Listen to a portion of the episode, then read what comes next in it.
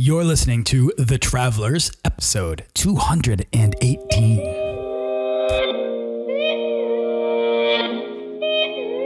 Uh, as a creative traveler, you can meld your creative self with the experiences that are coming your way, and pretty soon you have a better understanding of you know your place in, in the world and how you might best make a living in the world.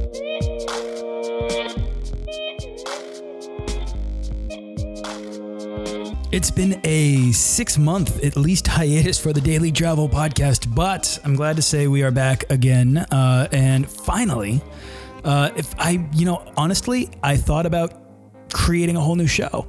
I thought about creating a whole new feed. I thought about starting over. Uh, I thought about a number of different things, and they were all sort of natural struggles. I think of the creative process, but in the end, I realized that I had I have, an, I have a lot of subscribers here, and I didn't want to leave you guys hanging. So if you've stayed with me and you're still subscribing, and you're hearing this now, thanks for holding out. Thank you for your incredible patience. Um, what I have done is I have rebranded the show. The show is no longer called the Daily Travel Podcast. If you haven't already noticed, it's called The Travelers. What I want this show to become is no longer a show simply about travel. Uh, travel to me is yet one tool that we have to better explore ourselves by going outward uh, because I think it's like, as Don George said on the show, travel is a mirror. When you see a mountain before you, so too do you find a mountain within. When you wander down a dark alleyway, so too do you wander down a dark alleyway within. Travel is a mirror, it is a tool that we have to better get to know ourselves, where we stand in the stories of our lives. And that's really what the Daily Travel Podcast became for me. It became this fascination with stories, but not just, you know, any stories or not just travel stories, which was really the original idea, but the stories that we are living and the effect that that has on us to derive confidence and find our way forward, right? As either uh, creative, independently minded,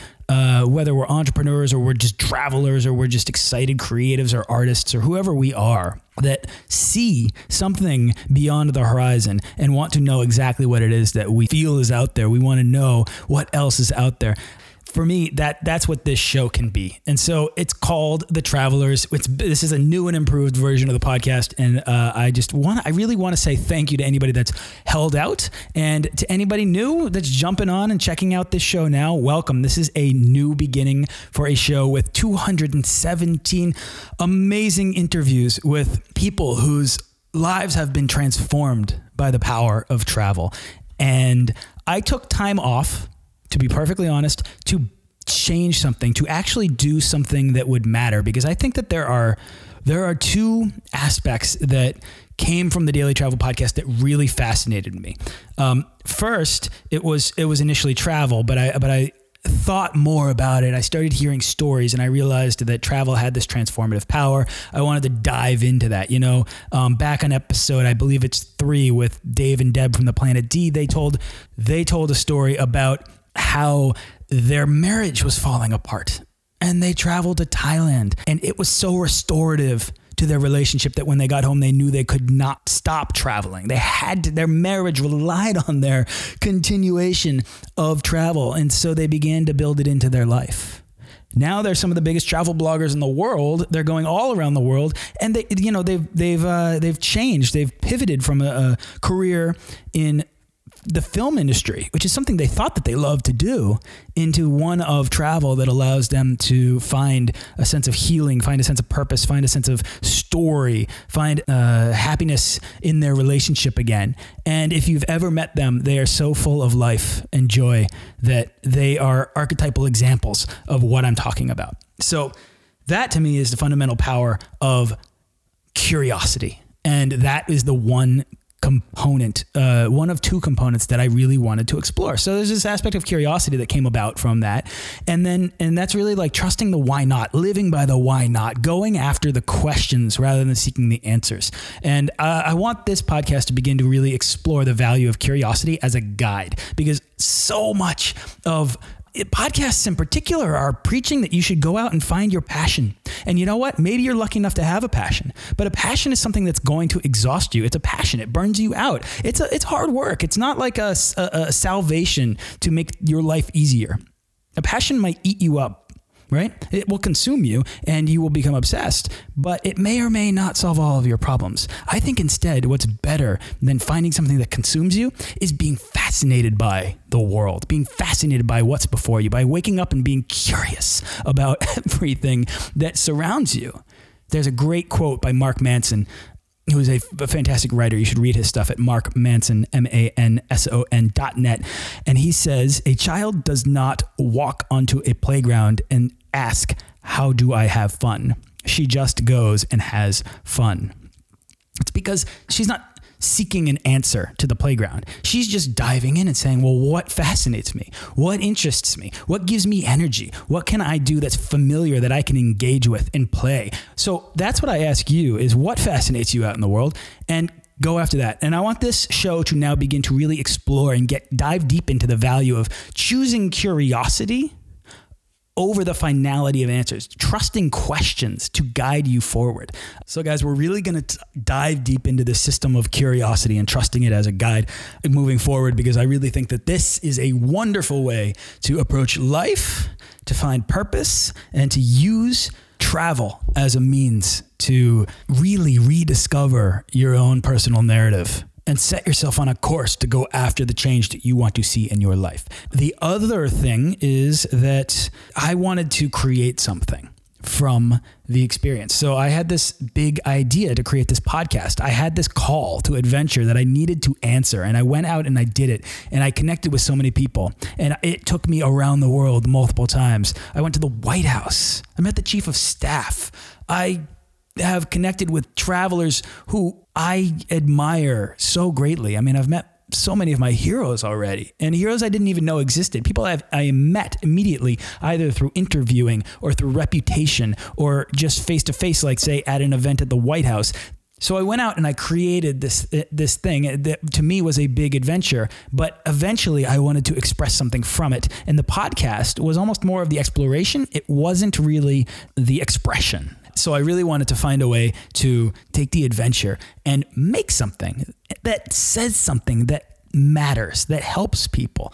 And so enter Holocene. Holocene is a community built around the mutual belief that travel is an opportunity to rediscover your own personal narrative and set yourself on a course to go after the change that you want to see in your life this year. And you know onward into the future we'll be rolling out a series of community-based courses products um, and events designed to help you explore the world yourself and finally do the thing that you've always wanted but haven't yet.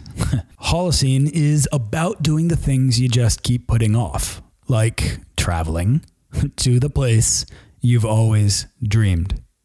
Where is that place for you? What's that big thing at the top of your bucket list, but maybe not just that thing. Like, what's the thing that's been there the longest? You just keep putting off that you know you want to do. What's that call to adventure for you?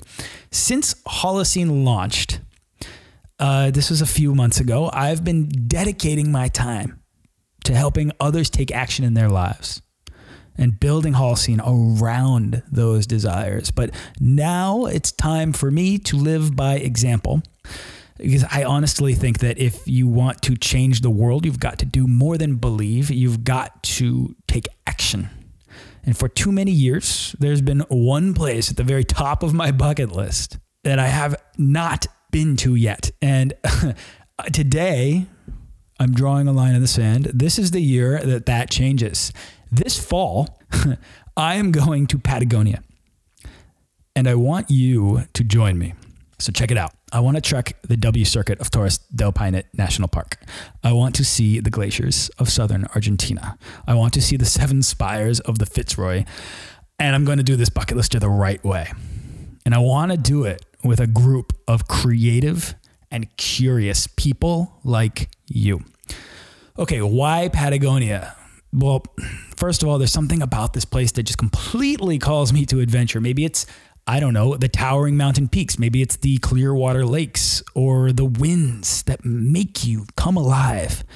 Uh, or maybe it's just the challenge of returning to nature. and to trek from refugio to refugio or refuge to refuge and connect with others over local Argentine or Chilean craft beers around a fire at the end of a long day spent on the trail.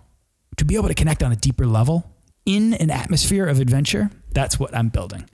So I honestly think travel is the best way to find clarity through inspiration by going outward to connect with something greater than you. And I can't think of a better place to do this than the wilds of Patagonia with a group of creatively minded people striving to find the experience of being more alive. So if this sounds good to you and you want to go, or even if you want to just be kept in the loop on this or future opportunities to go to Patagonia, either with me or with uh, the, the trip that we're designing here, uh, you can join a, the private list and you can be the first to know. Uh, there are only going to be eight spots. So this is a pretty cl- exclusive opportunity to see this the right way. We're going to do the Argentine side, the Argentinian side, and the Chilean side. Uh, we're going to do all of the the four major sections of Patagonia. We're going to cross this bucket lister off of our list so the way it needs to be crossed off. Um, I'm I've teamed up with trusted local partners to make this happen. Uh, we've tested it twice. We we really know what we're doing. We're ready to go. Um, Holocene is about doing the things that you just keep putting off, like traveling to the place that you've always dreamed to find the unexpected. Uh, Patagonia is calling. Are you in? Go on over to Patagonia2016.com. That's Patagonia2016.com. And uh, jump on the list, and you will be one of the very first people to know when spots are available. Okay, enough about all of that. Let's get to the actual meat and potatoes of this show because I've got a huge guest to reboot the podcast. Uh, and uh, I'm not kidding. I mean, this guy is a legend in the space of travel writing.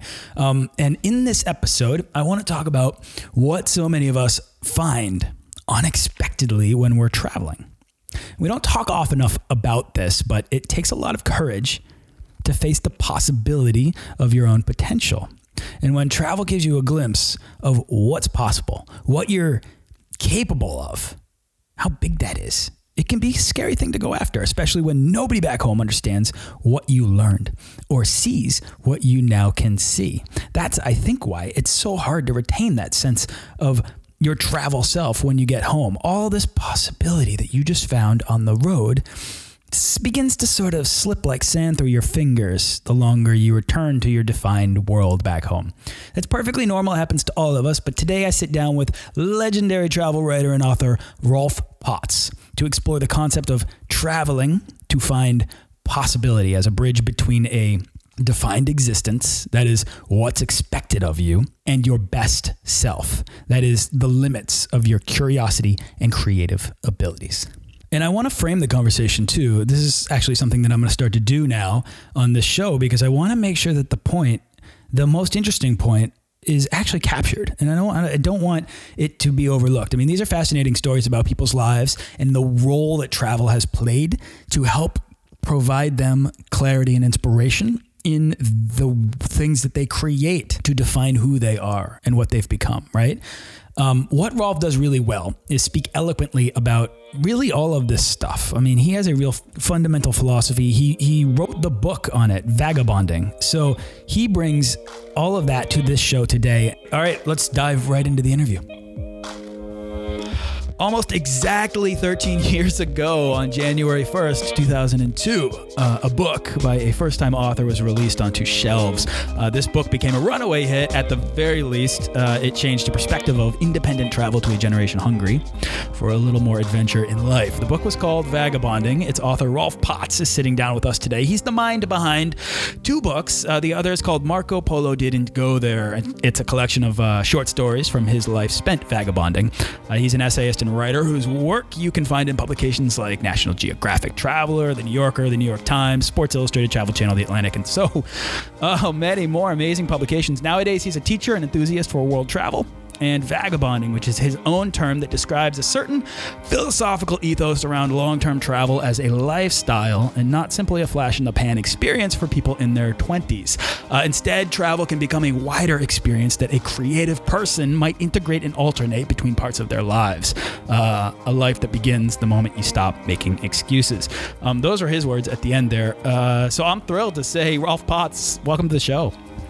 Thanks for having me. Glad to talk travel. Great. I'm excited. Yeah. Thank you again for taking the time to come on and just chat with us. But uh, I want to, you know, I want this conversation to be uh, about you, man. Like, I want to kind of get to know exactly where the creative inspiration came from to not just go and uh, travel in the way that you now call vagabonding, but how and why you put it into words and created a sort of philosophical construct around it.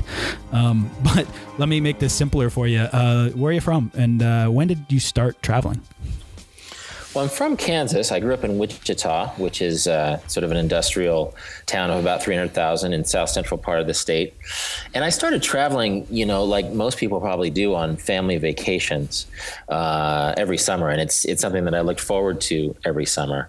Uh, but as I got older, I I was so obsessed with the idea of travel, but I didn't really know anybody who did it for any extended period of time. It felt like it was something that you save for the end of your life when you're retired and you you've lived a full life and been a workaholic for decades and decades.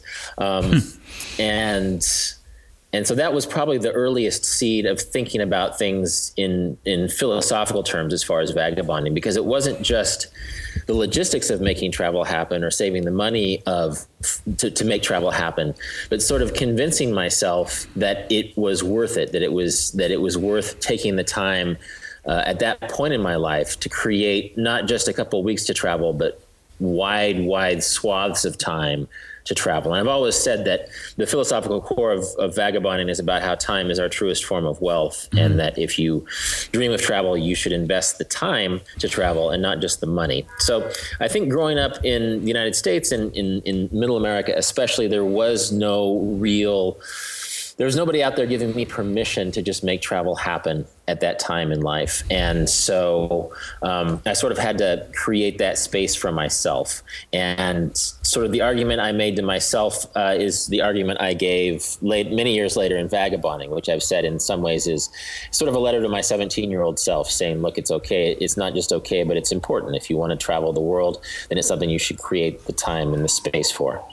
So, what gave you, in particular, like growing up in Wichita, Kansas, in a place in which I'm uh, assuming many people that you knew did not travel? I mean, I, I, live on in the Northeast, and I'd say we're a pretty well-traveled community, but even then, a lot of people aren't traveling. So, talk about the Midwest. I, I often hear from guests on the show that uh, you're the outlier if you're if you begin to travel uh, from places like Ohio or places like Kansas, but you speak a lot about time in your book and right now i mean that's sort of the thing that that comes up uh, this investment of time and this ability to become wealthy and experience what gave you that unique valuation of time I think it was a slow process, and I think it's something I wasn't able to articulate until I had traveled for a while. Um, and there was an extent to which I felt a little bit guilty uh, doing long term vagabonding early on, uh, just because there weren't a lot of role models from my own community. I, I, I, was an outlier. And my first vagabonding trip was seven and a half months around the United States, living out of a van.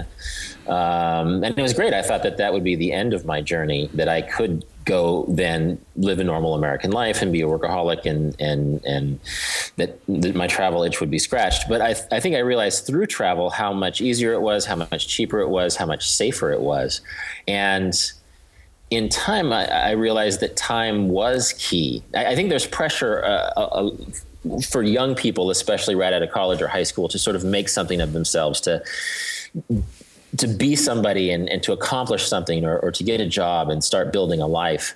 Um, but I realized just how rich in time I was at a young age. And I'm in my 40s now, and I still feel rich in time. And I still feel it's important to invest one's life in in, in time and, and, and, and rich experiences. And so, really, it was just something. I, I think even the the phrase "time wealth," which I think I got from John Muir, is something mm. that I didn't really I didn't really use that phrase until I was literally writing the book. I think I intuitively knew what it was, but until I came across uh, John Muir and some other writers as I was researching the book, I didn't really realize that time wealth is what I was talking about. But that, that's exactly what I'm talking about. And it, it, can be used in context outside of travel. Um, but I think travel is a very common dream. And of course, travel is, is what I was writing about in Vagabonding. So time wealth really, I wouldn't say by accident, but by serendipitously, this book about travel became about a book about time wealth. So, what was life like before you began to travel? You began to expose yourself to these experiences. Before this, uh, what did you say, eight months in a camper van across the U.S.? I mean, that can change your perspective, right? But were you, I mean, what made you hungry to even take those eight months to begin with? Well, I think there was a there was a sense that if I didn't do it now, then I never would, uh, and I sort of proved that wrong to myself. But in a way, at that point in my life, I really needed to do it just then. Um, that in some ways I was sort of tentative and and and and and anxious and not completely uh, full of the courage to go out and do it uh, like I like I thought I could. Mm. Uh, and you know, I I um I had a fairly normal high school to college type life experience at that point. I, I, ran track and cross country in, in school, and I was really into I was really into that. I took my academics fairly seriously. I, I had considered graduate school, but uh, I remember I had a summer of uh, a summer job right before was it my senior year? No, it was right before my junior year of college, and I was stocking shelves in a grocery store and interning at a at the local ABC affiliate in Wichita, um, and I didn't really like either job. And I realized that any job that I did or any undertaking I did in my post college life that that um, that I sort of resented, even if I made money f- from it, would be counter to what you know counter to my own life and my actualization of, of my best self. And so i think it was that frustration with the job that made me realize I think at that time I hadn't considered that anybody could be a travel writer, and so I think I had sort of resigned myself to the fact that I might eventually end up working a job I didn't necessarily like, but I was going to go and get in this amazing travel experience before I had to resign myself to the workaday world. Um, and so it was out of just some just the banal frustrations of of uh, of life in in Middle America that made me think, well if I have to work the rest of my life, then at least I'm going to give myself half a year, a year where I can wander the roads of America and just be be free and be young for a while. Uh, and, in, and in many ways, I haven't stopped wandering, so that's been gratifying. You know, a lot of what you're saying completely resonates with me, and this it's interesting to talk about this sort of actualization of your best self. Um, doing the work that you were doing, it seems like there was this maybe a sense that you weren't getting any return on the time that you were spending, and I think as a creative uh, mind, that is that begins to become a bit of an existential crisis. Because you I mean I don't know about you but especially when I was in my 20s and I was out of college uh, I knew I wanted to travel. I knew I wanted to get into a creative field. I didn't know where it was. I took easily took the wrong job. Um, and it gave me this sort of sense of like I wasn't fulfilling my uh, I wasn't getting anywhere in where I wanted to go like there was no forward progress it was just a stasis. And that, I think, made me hungry for motion in my life. Travel, unfortunately, doesn't solve that problem, but it does provide the movement forward. Uh, which was a nice distraction. And then the travel itself opened my mind and my curiosity and my imagination to new possibilities. Um, does any of that resonate with you? I'm wondering. And is is that maybe where the concept of the book came from? Because what's interesting and what I'm picking up on is that your your travels weren't going to solve your problem. In fact, you you the way you had said it is you were almost getting the work in before you could you had to resign yourself to mm-hmm. to or you were getting the travel before you had to resign yourself to doing the work. Uh, did travel? How did travel? I guess flip the paradigm for you. Well, one one quote I use in Vagabonding is is that the world is a whole book, and those who have not traveled have only read one page. I think that's Saint Augustine who said that. Right. Uh, and so I think travel allows you to just see what possibilities are out there. Um, and I'm not saying it's this perfectly full formed, streamlined vessel for doing that. I think it's a very ragged and haphazard way of discovering that. But that's part of the, the thrill of travel, um, is that you don't just go step into the world and find out what you're passionate about, but you go out and you have some fun, you party a little, you have some misadventures, you go to some places that are amazing and some places that uh, are disappointing. But the whole time you're meeting new people, you're processing new information, and you're just seeing beyond your home community community and your and your way of thinking and you're you're meeting people from different ways of life and you're talking to other travelers you're talking to local people who see the world differently than you. And so I guess it's to use a cliche, you're just you begin to think outside the box. And as a creative person, and I think there's a there's a seed of creativity in anybody who who goes out and travels uh, in in sort of a in an open-ended way, in a vagabonding way. Mm. Uh, as a creative traveler, you can meld your creative self with the experiences that are coming your way, and pretty soon you have a better understanding of you know your place in in in, in the world and how you might best make a living in the world. Uh, and so it's just often people are worried that they will compromise their career opportunities, especially people in their 20s. I think it's the opposite. I think that you are shepherded through life as a young person through school. Um, and my parents are educators, so I can appreciate school. But then to be able to take those tools of your education into the wide open world with no necessary structure and just sort of see what appeals to yourself.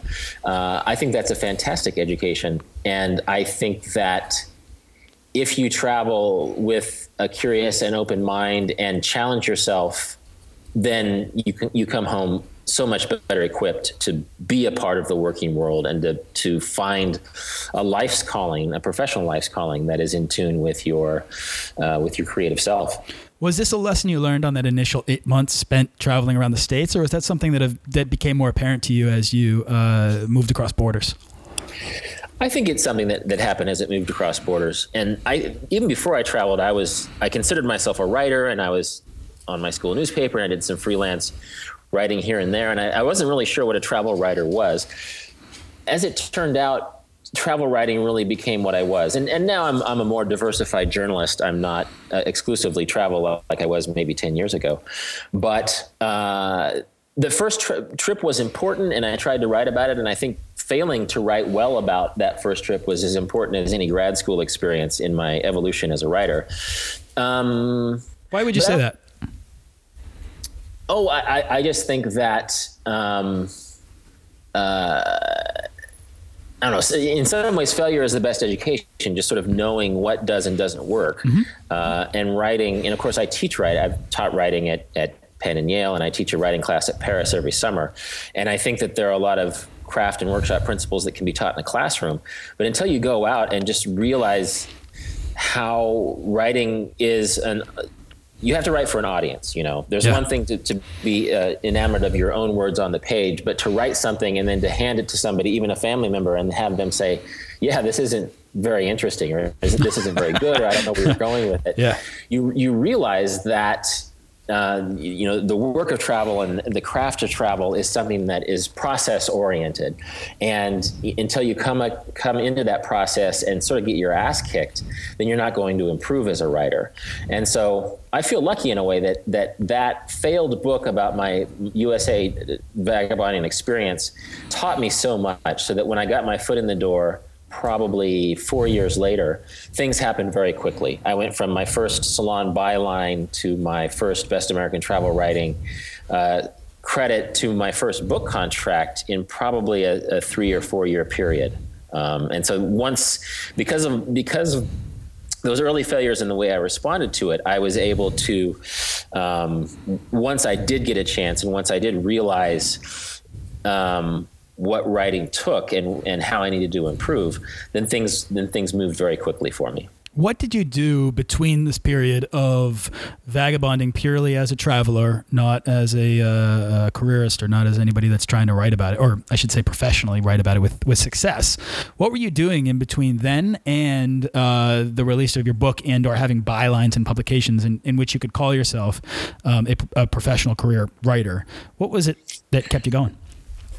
Well, I had uh, two years of teaching English in Korea, which um, which was a very uh, important experience for me, uh, not just because it, it earned me money, but also because it forced me to work in another culture and, and realize that culture is a gut level thing. You can't you can't intellectualize your way through living in another country. That sometimes you sort of have to bump your head against it and learn some lessons the hard way. That, that was the most interesting. I, I had some other part time jobs mm-hmm. between my first vagabonding trip and, and the time vagabonding came out. In the United States, I worked retail sales. I worked at an outdoor store selling fly fishing rods and, and tents. Um, but then I had some friends who were working in Korea and you know, I just can't say enough. And actually, to this day, I have letters in my inbox of people who are asking about the experience of, of teaching overseas. And I really recommend it because it too forces you into that creative situation where you are much like travel and expatriate living overseas is, is a form of travel. Uh, you you figure out ways to cope. There's you can't you can't give people a list of rules for how to act in other countries. You just have to go and you know, with your best intentions and and creativity and optimism, make sense of things. Um, and so it, it, was it was a very key two years. I wasn't always happy in Korea. Uh, I wasn't always having these mountaintop experiences, but I was making money and I was learning a lot about myself and a lot about the intuitive um, aspect of living in other cultures. And and I really recommend that for travelers in general, but specifically for travel writers, be it the Peace Corps or teaching overseas for a while or working in business or something overseas, is that that immersive experience of working in another country teaches you so much that you could never learn out of a book. Interesting. So, you know, what's really interesting, and I'm taking this away from maybe your entire journey, is you had originally out of school this definition for what your life was going to look like, uh, as I think most of us do at some point in our lives. You went out and you found possibility, the possibility, I think, to actualize your best self and to explore maybe this creative impulse and this desire to turn words into a, a paycheck and a career and be able to fulfill yourself with what you do and how you spend your time, not just traveling, but expressing. And now years later, you've made yourself into a writer and a teacher. Um, and uh, you know, there's a name I think in vagabonding is is a is a big deal. It really is. It's like a big deal in the world of not just in travel, but in travel media and in, in the words that you put down and the philosophy that you you espouse. The journey, I think, to get to where you are now sounds as if, from what you just said, it took a lot of work. Like it, it, it, sounded like it was a bit of a struggle, but it sounds uh, to me it's as if you were really all the work was worth it because either you were making travel a bigger part of your life, or you were battling your way towards a creative existence which you live now uh, that is far more fulfilling than the initial definition that you had for yourself. Am I off base at all, or is this? No, you're. In, in fact, it's kind of fun to talk about this because I don't always think. Now that I'm in my 40s, I don't always think about the struggles of my 20s. Mm-hmm. Um, and I'm, I'm sort of a mid-career writer now. I'm, I'm a lot more stable. I have a lot more options, and and my challenges you know, I'm challenging myself in different directions, be it writing screenplays or writing about hip hop or sports or other things that I didn't typically write about. Yeah. And so I've sort of forgotten about now that I'm established as a travel writer, I've forgotten about the struggles that got me there. And so it's it's fun to think about. And one advice I might give to people who are considering, and I guess I've given this before, is just just consistency and just working through. I think I think there's an idea, especially when you're young or when you're starting something, that you really want to get success fast. And these days, I think you can sort of get a simulacrum of success by getting a, maybe a lot of social media followers or a lot of clicks. Yeah.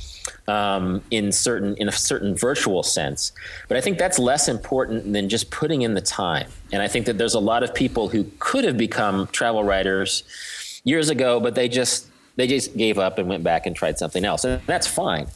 But if you want to, if you want to live that creative life, I think you have to put in your time. I think it's very rare for people to go from triumph to triumph, especially early on in their career.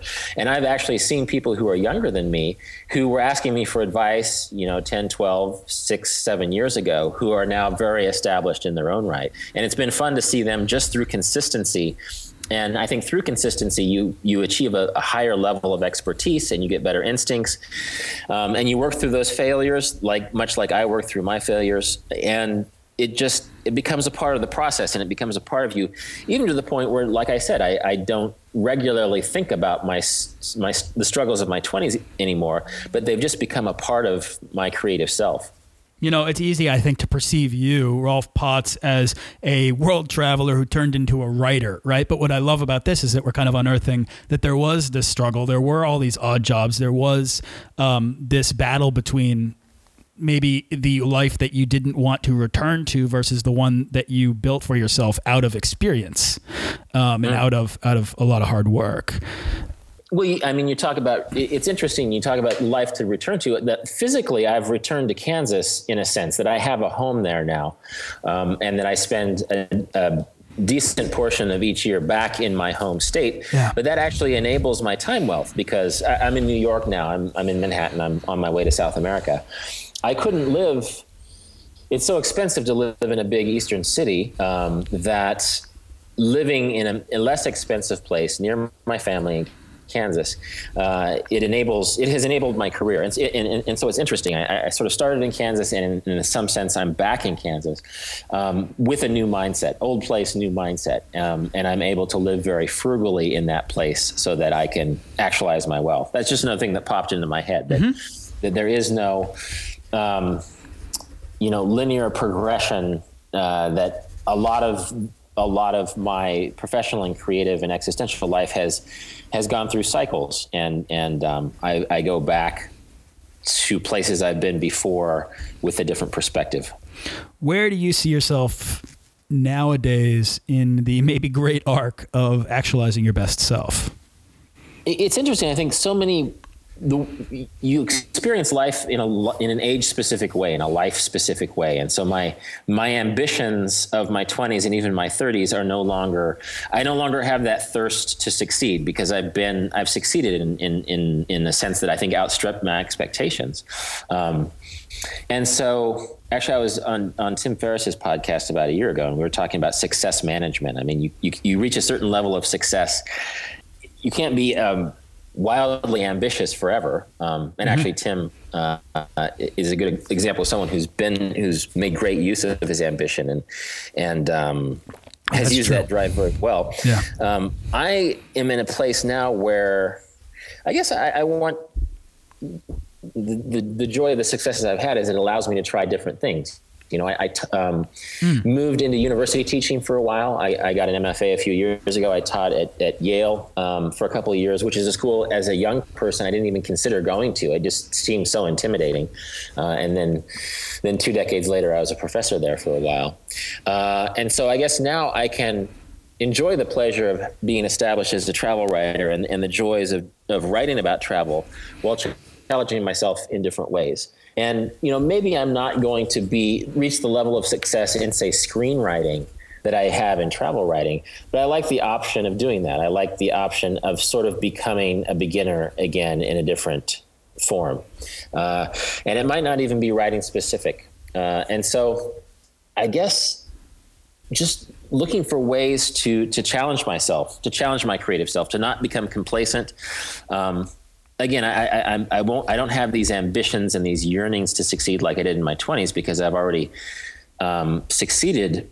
Uh, and so I'm just looking for ways to challenge myself and, and not become a complacent middle aged guy.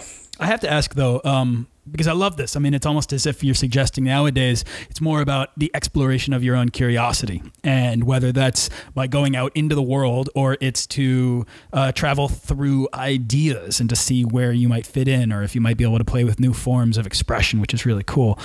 Do you think that the act of travel has influenced the way you've been curious about new things. This idea that you would succeed in one form and then begin to want to know about other forms, or do you think that this is just a result of who you are? Well, I, I think travel has it contributes to that because one thing I write about in, in Vagabonding is that travel forces you to be to start over again and again. You go to a new place and suddenly you're lost. You go to a new country and suddenly you may have mastered Spanish to a degree, but now you're in a country where they speak Portuguese or, or Arabic or Swahili. Uh, and so I think travel lends itself to. Um, it pushes back against a certain kind of complacency that one can fall into, and, it, and it's a it's a constantly uh, creative act.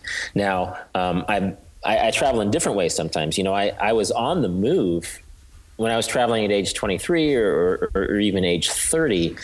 I was constantly moving in a way that I'm less inclined to do now. Uh, now I might go to a city for two weeks or, or, a month or something and get to know a single place well instead of moving constantly.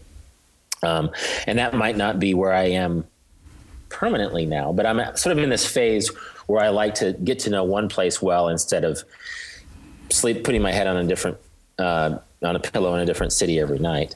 Um, and, and, and, I think yeah, travel lends itself to that way because you can you can get to know uh, a city that you think you know, a, a, place that you've been to many times.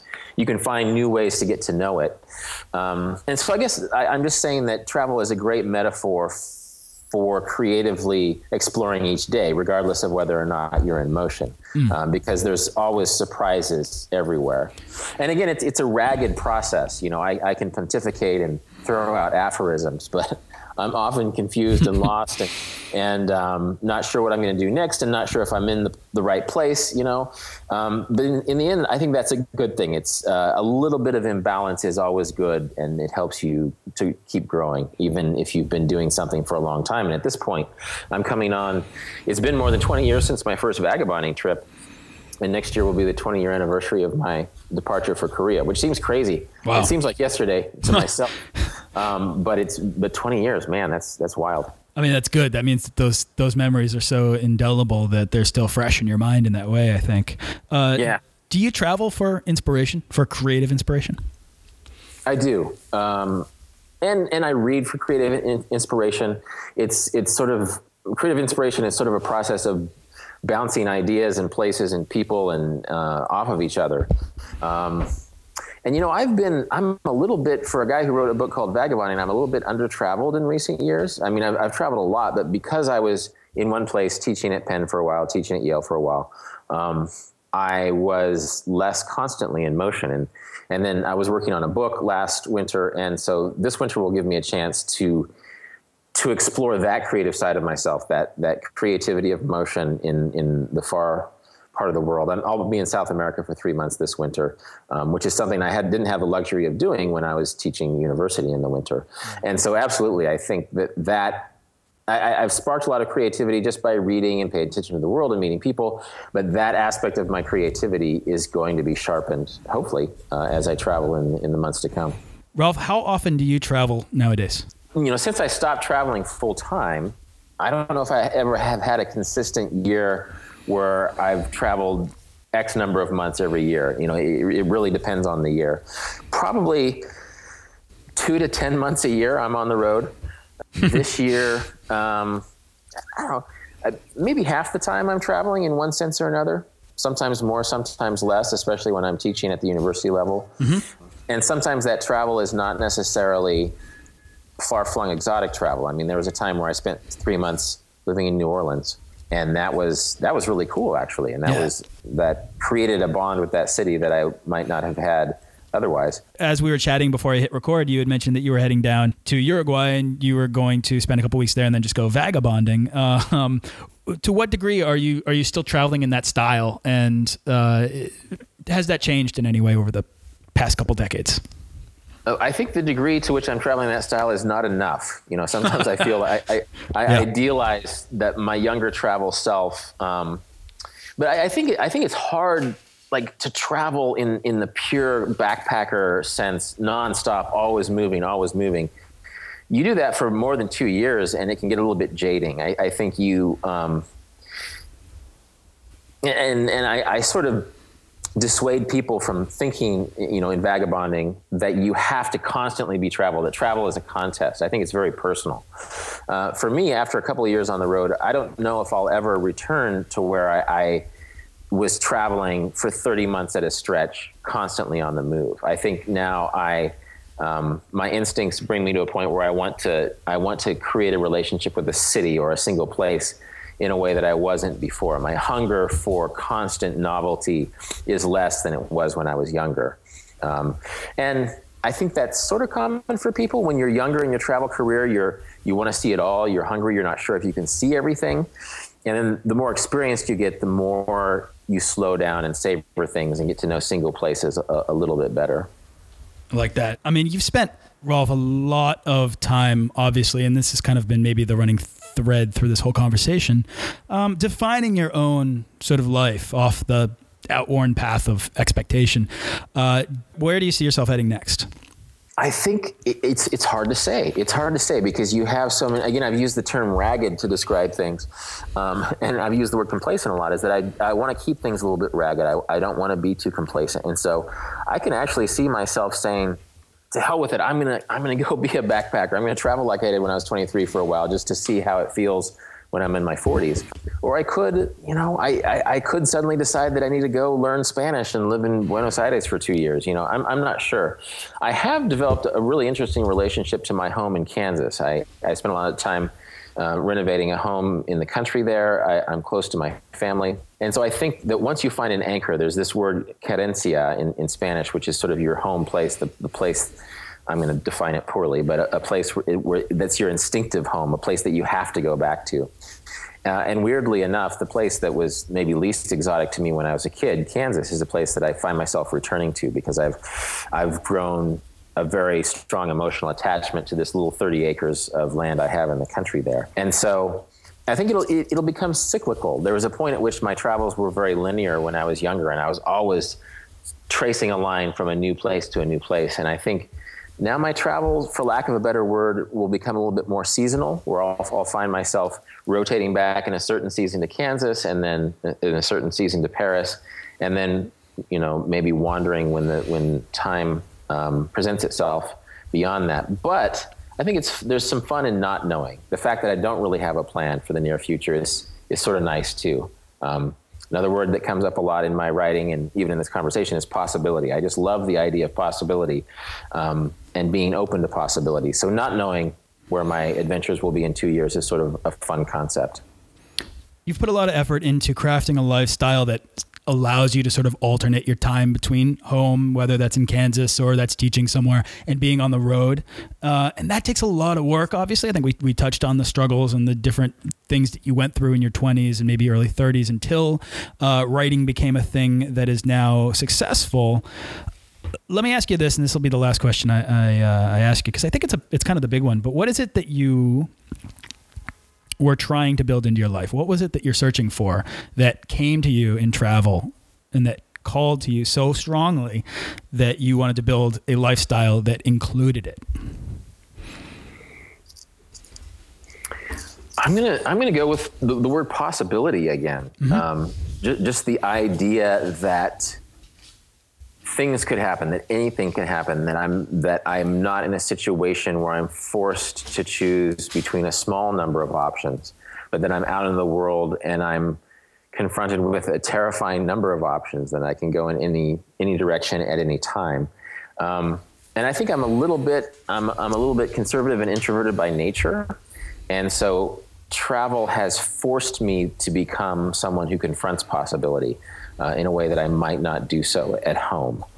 Um, and so hopefully I can continue to harness that, you know, to, to, um, to, you know, continue to, to build myself and, and explore possibility um, and, and be my best self. Love that. I mean, to sort of draw from what you're saying, there's an element of courage and confidence that comes from the uh, actual exploration, not just of the world, but of your own potential, of your own possibility, and the sort of arduous process of actualizing your true self or your best self.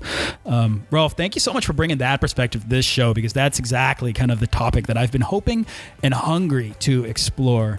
Um, and uh, is there anything else that you want to add to that before we wrap up?